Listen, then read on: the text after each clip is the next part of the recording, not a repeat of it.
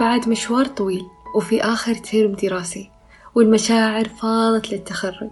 نعتقد إننا وصلنا لنهاية الطريق ولكن بعد استلام ورقة تقديم أماكن للتدريب من مشرف الامتياز تتغير الخطة. ونبدأ نحس إننا ببداية مشوار جديد ما لنا أي خبرة فيه. حديثنا اليوم عن الهيئة العامة للغذاء والدواء. إيش إداراتها؟ وإيش أقسامها؟ وكيف طبيعة عملي كأخصائي تغذية فيها؟ والكثير من الأسئلة غيرها. بداية الهيئة العامة للغذاء والدواء تنقسم إلى ثلاث إدارات. يكون أخصائي التغذية جزء منها. أولا إدارة اللجنة الوطنية للتغذية. ثانيا الإدارة التنفيذية للمخاطر. ثالثا الإدارة التنفيذية للمواصفات وتقييم المنتجات. وممكن يندرج تحت كل منها أقسام مختلفة. في حلقة اليوم راح نتكلم عن التدريب في اللجنة الوطنية للتغذية. مع ضيف جديد من مكان جديد.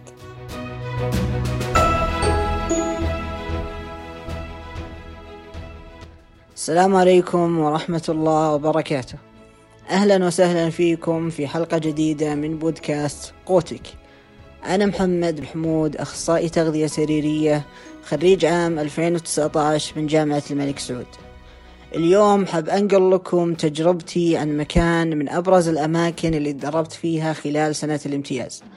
المكان اللي عزز من قدراتي العلمية والعملية. وبالتالي حبيت أشارككم تجربتي في الهيئة العامة للغذاء والدواء وعلى وجه الخصوص في اللجنة الوطنية للتغذية.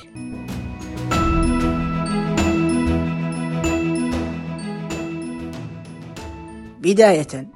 كيف اخترت اللجنة الوطنية للتغذية؟ وليه اخترت اللجنة الوطنية للتغذية؟ حتى أقدر أجاوبكم على هذا السؤال لابد أننا نعرف وش هي اللجنة الوطنية للتغذية وش مهامها وش أهدافها. اللجنة الوطنية للتغذية هي لجنة علمية استشارية تهدف إلى تحسين الحالة التغذوية والصحية في المملكة العربية السعودية لبناء مجتمع صحي وذلك بتقديم توصياتها وآرائها العلمية في مجال التغذية للجهات ذات العلاقة. وبالتالي فإن من أبرز مهامها هو تقويم الحالة التغذوية للمجتمع السعودي ووضع أولويات للتدخل بتعديل أو إحداث سياسات التغذية وأيضا إجراء الدراسات والأبحاث ذات العلاقة بالتغذية. وأيضا من أبرز أهدافها هو الإسهام في الحد من انتشار الأمراض المزمنة ذات العلاقة بالتغذية في المملكة العربية السعودية وقياس ومتابعة الحالة التغذوية لسكان المملكة وإجراء الدراسات والبحوث ذات العلاقة بالتغذية ليه اخترت اللجنة الوطنية للتغذية؟ مثل ما ذكرت سابقا أن من أبرز مهام وأهداف اللجنة هو القيام بالأبحاث والدراسات اللي تخص التغذية وبالتالي التدريب في مثل هذه الأماكن والجهات راح يساعدك في زيادة محصولك العلمي والبحثي ويعطيك خبرة أكبر في هذا المجال. وأيضا كونك أخصائي امتياز في مرحلة الامتياز لابد أنك توسع تجاربك وما تحصرها فيما يتعلق بمجال التغذية في المستشفيات حتى تكون مستعد لسوق العمل من جميع النواحي. وحتى تحقق هذا الشيء لابد أنك تخوض التجربة في جميع المجالات الممكنة في تخصصك حتى تقدر تحدد أهدافك ووجهاتك المستقبلية في رحلتك العملية.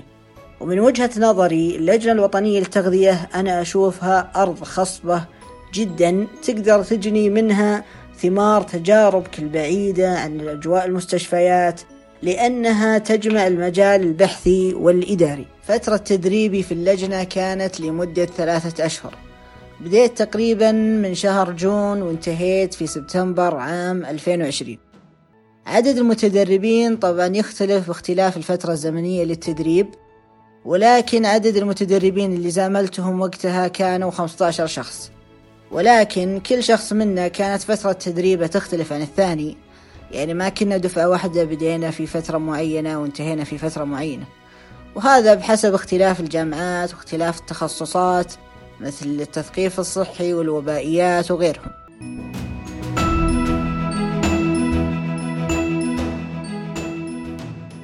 متطلبات التدريب في اللجنة الوطنية للتغذية. طبعا راح أتكلم بحسب النظام في جامعتي جامعة الملك سعود.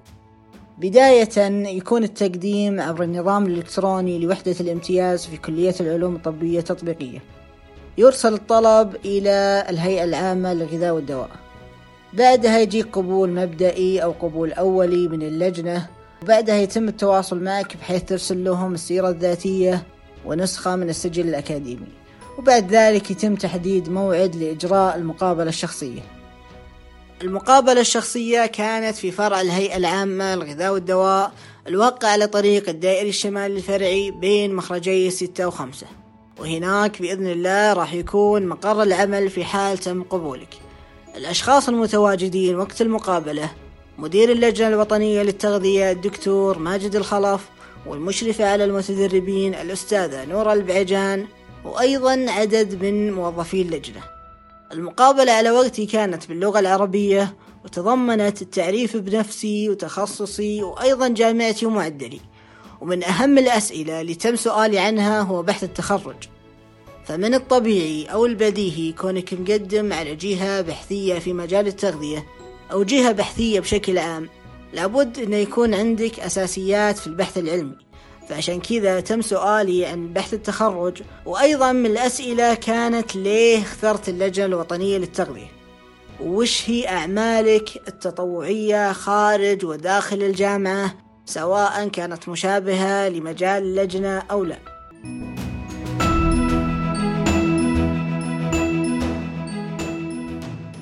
المقابلة جدا جدا بسيطة. ما تحتاج تحضير سوى التحضير لبحث التخرج الخاص فيك وأيضا التحضير النفسي أكيد.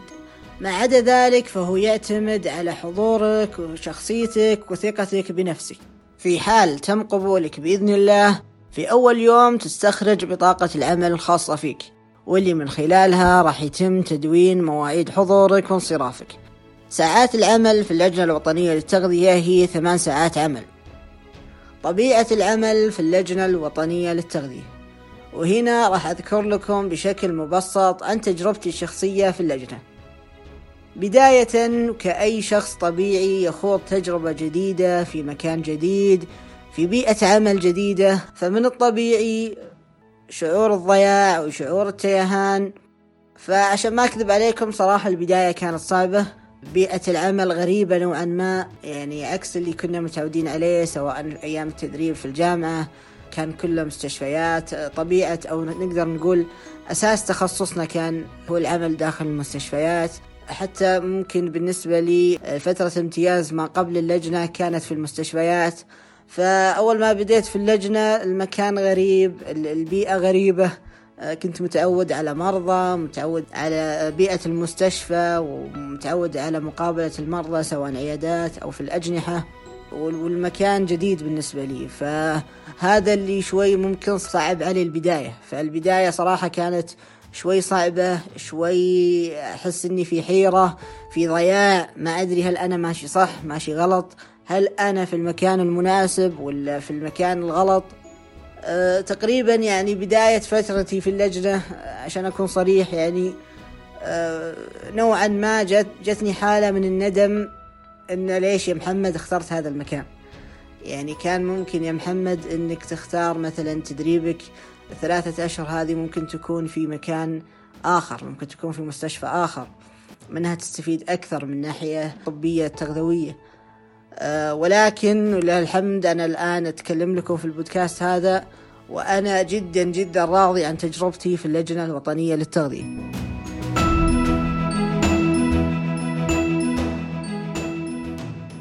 استكمالا للحديث السابق وحتى تتضح الصورة بشكل أكبر راح أذكر لكم بعض الأعمال وبعض المهام اللي كنا ننجزها وقت التدريب. بداية يوجه لك العمل عن طريق رسالة عبر البريد الإلكتروني فيها تفاصيل المهمة والمشرف المسؤول عنها وأيضا زملائك المتدربين اللي راح يشتغلون معاك على هذه المهمة. وصراحة هنا أحب أنوه على شيء جدا جدا مهم. جميع المشرفين صراحة في اللجنة الوطنية للتغذية بلا استثناء متعاونين جدا جدا جدا ويجاوبونك على أي استفسار أو معلومة حاب تسأل عنها أو مشكلة ممكن أنها تواجهك. فهذا الشيء يعني صراحة بداية بداية ما وجهت لي الأعمال وأنا في أول فترتي في اللجنة الوطنية للتغذية متردد يعني. ففي البداية ما كنت مستوعب كيف ممكن أشتغل هذه الشغلة كيف ممكن أبدأ أسوي كذا. هل ممكن مثلا إني إني أطبق العمل المطلوب مني بأكمل وجه أو لا؟ وبالتالي نوعا ما كان يجيني شوي تردد إنه هل أسأل المشرف أو ممكن أكون أزعجته أو ممكن. ولكن صراحة يعني كانوا جدا متعاونين جميع المشرفين وكانوا يجاوبون معنا ويجاوبوننا على أي استفسار ممكن آه نوجهه لهم. فودي أذكر لكم بعض الأعمال أو المهام اللي كنا ننجزها وقت التدريب في اللجنة الوطنية للتغذية. من الأعمال كان حصر للدراسات أو الأبحاث حول موضوع معين في التغذية أو ترجمة لدراسات أو مقالات أو مواضيع من العربية إلى الإنجليزية أو العكس. وأيضا من الأعمال هو حصر لأهم المستجدات حول التغذية في العالم من أخبار أو منشورات أو ندوات. وأيضا كتابة تقارير عن مواضيع متعددة في التغذية. على سبيل المثال كتابة تقرير عن السياسات التغذوية حول العالم كتابة تقرير عن آه عن أدوات الاستهلاك الغذائي مثل ال FFQ و 24 Hour Recall وغيرها الكثير. هذه أمثلة بسيطة جدا عن بعض الأعمال اللي كنا نشتغلها وقت التدريب في اللجنة الوطنية للتغذية. ولكن بشكل عام العمل جدا جدا مريح. وأغلب الأعمال يكون معك وقت كافي جدا حتى تنجزها. ولكن بعض الأعمال يعني يكون عندك أكثر من مهمة وأكثر من عمل في نفس الوقت فنوعا ما تحس بحالة من ضغوطات العمل. لكنها ضغوطات عمل طبيعية يعني ضغوطات عمل قدرة تحمل يعني ما, ما راح تكون ضغوطات عمل فوق المعدل الطبيعي.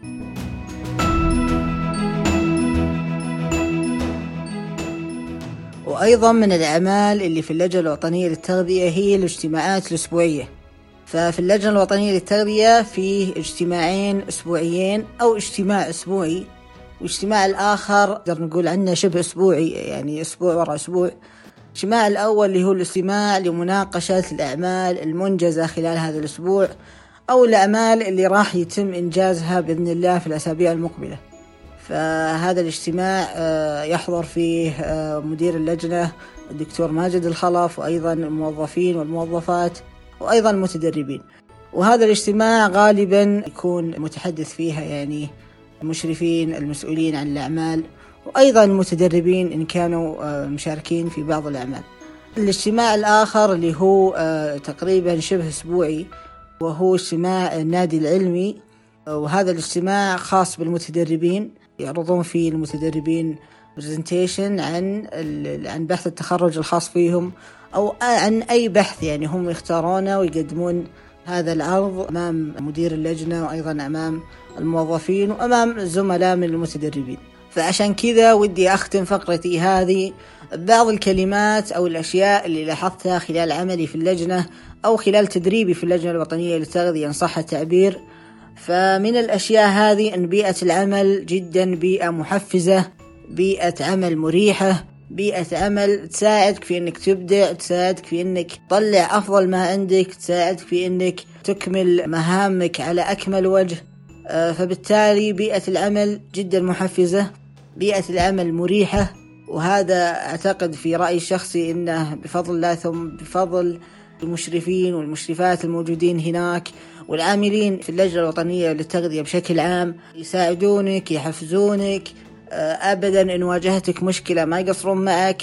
حتى وإن كانت الفترة بسيطة نوعا ما ثلاثة أشهر لكني حسيت يعني كانها عائلة واحدة نتشارك في مهام واحدة نتشارك في نوعا ما في مسؤوليات واحدة باختلاف المسؤولية يعني أو المهام بين المتدربين والموظفين.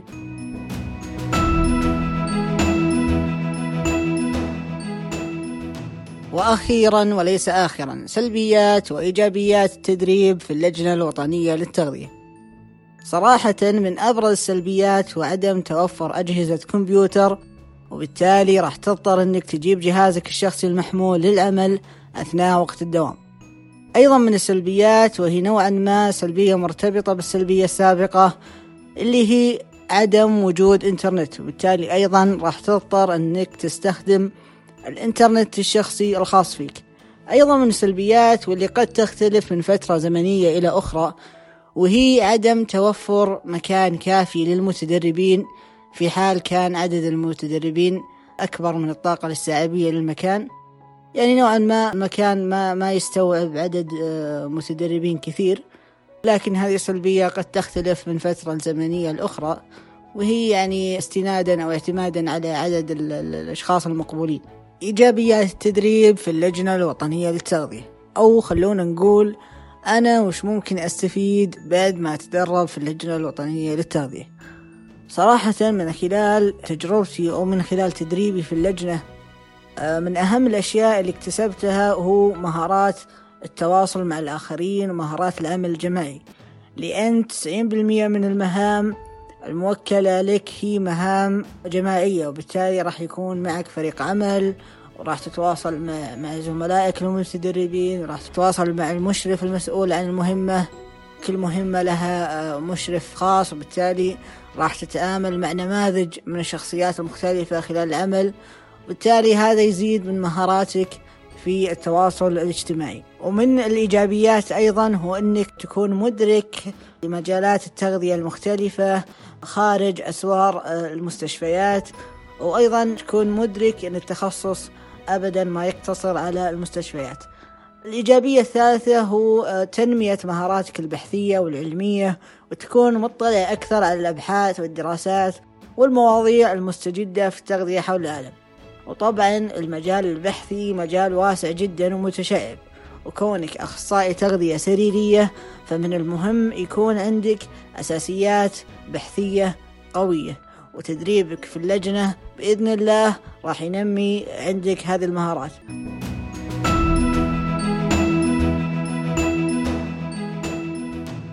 ختاما مرحلة الامتياز هي مرحلة ممتعة جدا جدا جدا.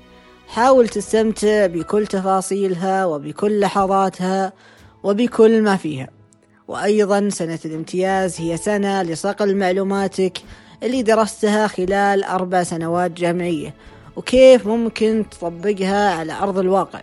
ولذلك لابد أنك تستفيد في سنة الامتياز بأكبر قدر ممكن. ومن رأيي الاستفادة في سنة الامتياز تتمحور حول أمرين.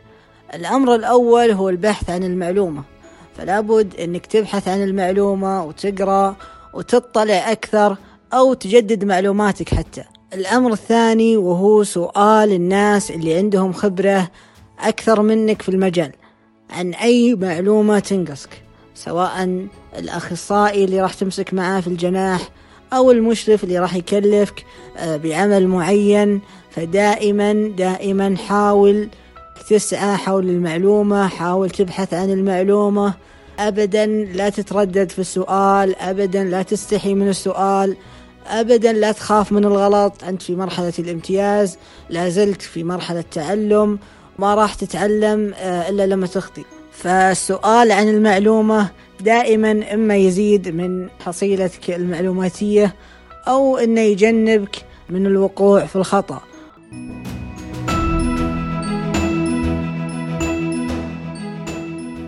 نصيحتي الأخيرة وهي صراحة من أهم النصائح. سنة الامتياز هي السنة اللي راح تحدد فيها أهدافك وراح تحدد فيها طموحاتك وممكن فيها تتغير آه، نظرتك عن أشياء كثير. وبالتالي لابد أنك آه، تخوض وتجرب جميع المجالات الممكنة في التغذية. وأيضا حتى تكون مستعد لسوق العمل أيا كانت حاجة سوق العمل سواء في المجال الإكلينيكي أو المجال الإداري. فمن رأيي من المهم آه، إن سنة الامتياز تكون موزعة ما بين آه، مستشفيات كبيرة أو مستشفيات عامة. ممكن آه، أنك من خلالها تمر على حالات مختلفة وحالات متنوعة. وأيضا ما بين مستشفى أو مركز متخصص في شيء معين مثل السكري أو الكلى. وأيضا ما بين عمل إداري أو جهة إدارية أو بحثية مثل اللجنة الوطنية للتغذية أو الهيئة العامة للغذاء والدواء بشكل عام أو أي جهة إدارية أخرى. وفي النهاية أحب أشكر القائمين على بودكاست قوتك على استضافتهم لي وأتمنى أني أفدت وأعطيت صورة مختصرة وفكرة عن عمل أخصائي التغذية السريرية خارج المستشفى. وبإذن الله نشوف من أخصائي التغذية رواد في مجال الأبحاث وتنشر أبحاثهم في أعرق المجلات الطبية العالمية.